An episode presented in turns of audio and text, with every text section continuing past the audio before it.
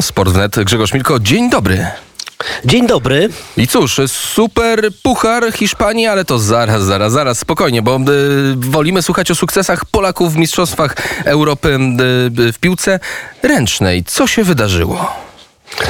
No właśnie, jak nie ma sukcesów na skoczni, to cieszymy się każdym innym dobrym występem, a przecież nasi piłkarze ręczni, dyscyplina również bardzo lubiana i uznana w Polsce, grają w Mistrzostwach Europy, które odbywają się w Bratysławie. No i proszę, jak grają dobrze i skutecznie. Wygrali swój drugi mecz. W pierwszym pokonali Austrię 36 do 31, a w drugim wczoraj po bardzo dobrej grze pokonali Białoruś, zawsze groźną Białoruś, dziewięcioma golami, 29 do 20. Wynik stosunkowo niski jak na piłkę ręczną, ale no, to też zawsze dobrze świadczy o obronie i o bramkarzach. Mateusz Kornacki w polskiej bramce spisywał się świetnie. No nieważne, że wynik niski, bo ważne, że e, pożyteczny i z korzyścią i z, z, zwycięski dla, dla reprezentacji Polski. E, nasi są już w drugiej rundzie, proszę sobie wyobrazić. Już wyszli ze swojej grupy. Jeszcze we wtorek zagrają mecz z Niemcami o pierwsze miejsce w grupie. No i to naprawdę napawa bardzo dużym optymizmem. Siedem bramek dla naszej reprezentacji zdobył Przemysław Krajewski, po sześć Michał Daszek i Michał Olejniczak. E, na pięć rzutów karnych trzy wykorzystaliśmy, a więc nieźle. No i naprawdę ten procent skuteczności szczypiornistów biało-czerwonych bardzo, bardzo wysoki. No i to też e, tak dobrze świadczy o tym, że nasi świetnie mentalnie sobie poradzili z tymi bardzo dużymi trudami, bowiem jak pojechali do Bratysławy, to się okazało, że no wszystko jest nie tak jak trzeba, nie tak jak się y, przed mistrzostwami umawiali z organizatorami, czy też to, co sugerowali organizatorzy. Podobno e, nie ten hotel, nie te warunki zakwaterowania, gdzieś musieli Polacy spać. No pewnie oczywiście też to wszystko związane z COVID-em, z obostrzeniami, ale gdzieś musieli spać jakieś łóżka wystawione na korytarzu w hotelu. Bardzo złe jedzenie, fatalne. Polacy bardzo narzekali na jedzenie. Nie wiem, czy sobie knedlikami e, słowackimi, bo Czesi i Słowacy to przecież słyną z, tak, z tego typu potraw, musieli sobie dojadać.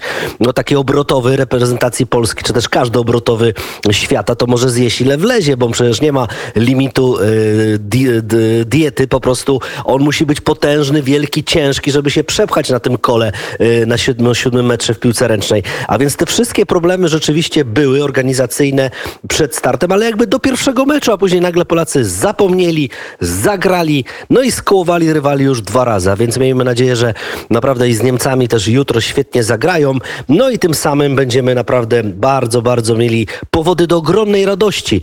Do takiej radości, jakiej nie dają nam nasi skoczkowie. Ale może o tym za chwilę, bowiem, bowiem jeszcze Australian Open, no ta sprawa, która się ciągnęła, ten Nowak Djokovic, ta saga, ten serial brazylijski, można powiedzieć, że się skończył, choć tak naprawdę, choć tak naprawdę jeszcze, jeszcze tam kropka na nie jest postawiona, ta puenta jeszcze może dopiero wypłynąć.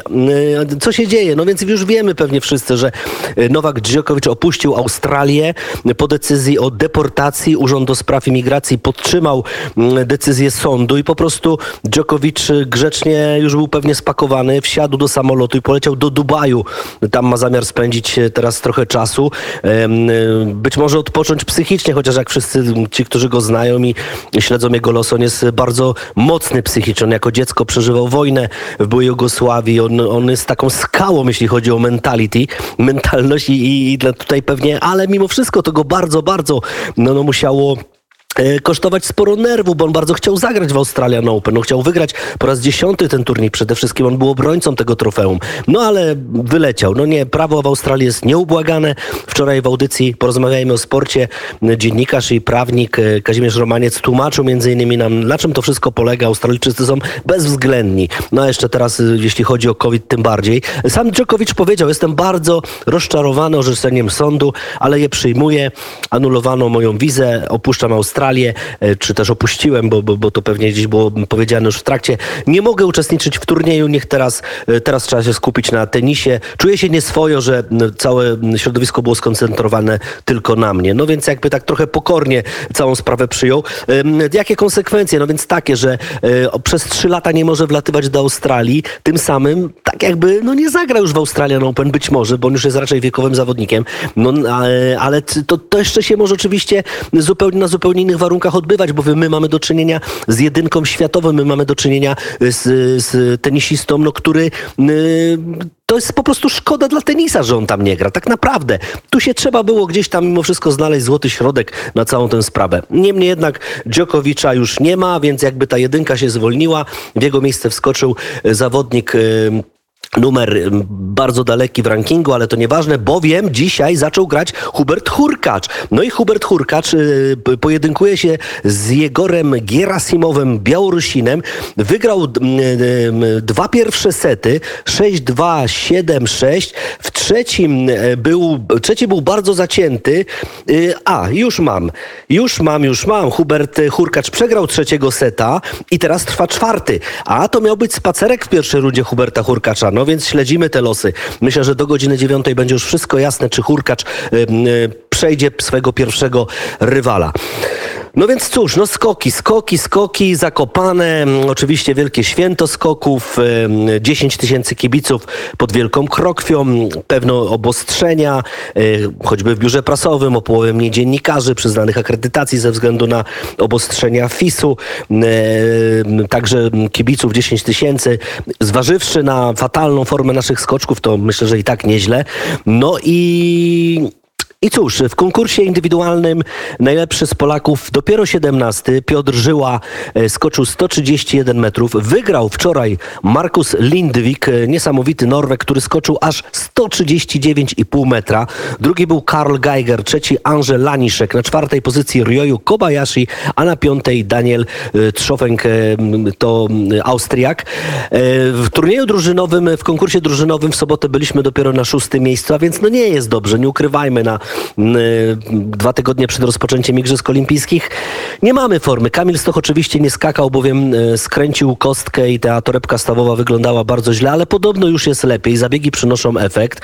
No i wczoraj o tym wszystkim, co działo się pod Wielką Krokwią, czy też na Wielkie Kroki, przede wszystkim o tym, jak skakali nasi zawodnicy, opowiedział nam nasz kolega Maciej Krzyżanowski, adwokat, prawnik, który był dziennikarzem sportowym. Jak sam mówi, dziennikarzem sportowym jest się zawsze do końca życia e, i i on właśnie opowiedział nam o tym wszystkim, co też widział na Wielkiej Krokwi.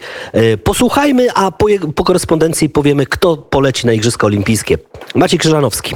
Tak, no Kamil Stoch wczoraj y, odwiedził skocznie, podziękował kibicom za przyjście, ale jego noga, no co najmniej jeszcze kilka, kilkanaście dni będzie, staw skokowy będzie leczony po skręceniu. Dawid Kubacki zaczął trzy dni temu izolację po koronawirusie, więc na razie nie mamy za bardzo, nie może trenować, nie może robić nic, no więc mm, jest to wielka niewiadoma. Dobrze, bardzo dobra decyzja polskiego sztabu, Polskiego Związku Narciarskiego, także, że ci olimpijczycy, ta piątka nie jedzie na najwyższy Puchar Świata do Tizi Neustadt, tylko będzie się przygotowywać w kraju, myślę, że tutaj na Wielkiej Krokwi, do najważniejszego startu czterolecia, czyli Igrzysk w Pekinie.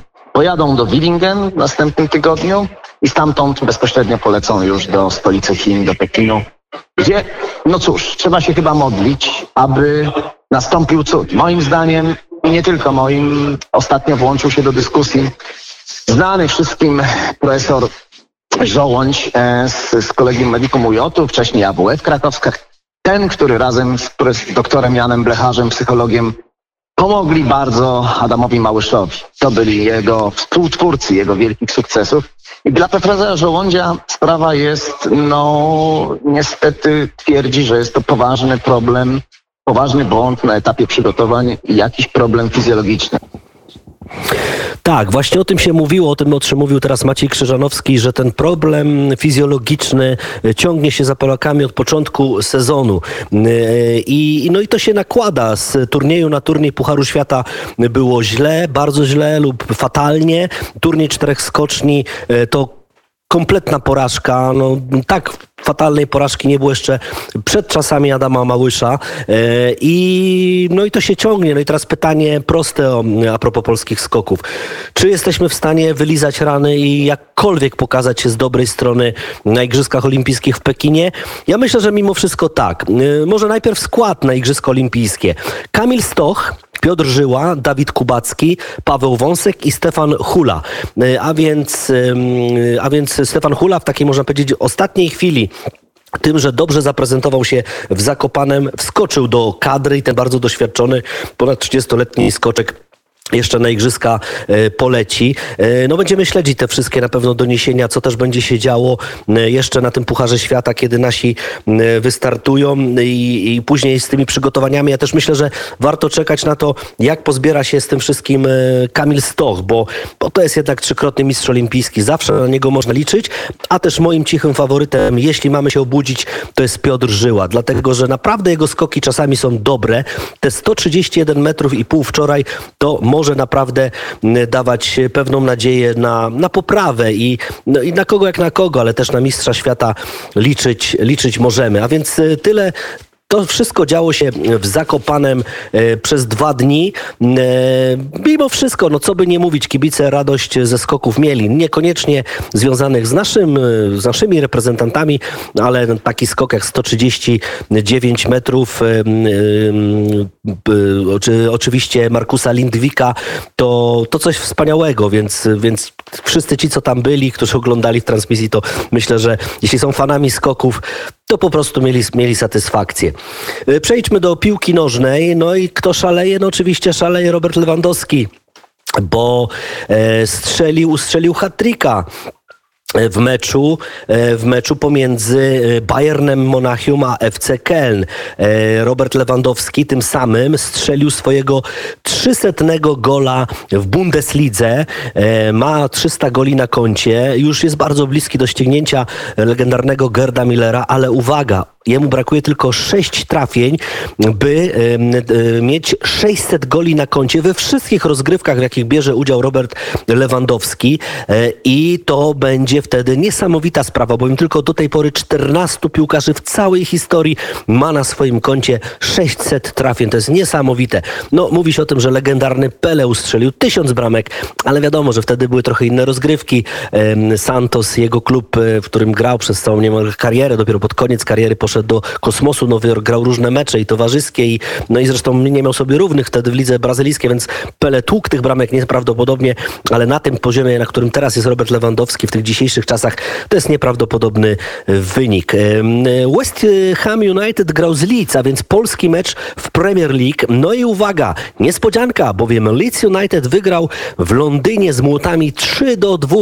Bardzo dobry mecz zagrał Mateusz Klich w barwach Leeds. Wreszcie, ów, bowiem Mateusz Klich e, zaliczył asystę. Trzy bramki strzelił jego kolega e, z klubu Joe Harrison. Między innymi Mateusz Klich zresztą strzelił gol, ale który nie został uznany.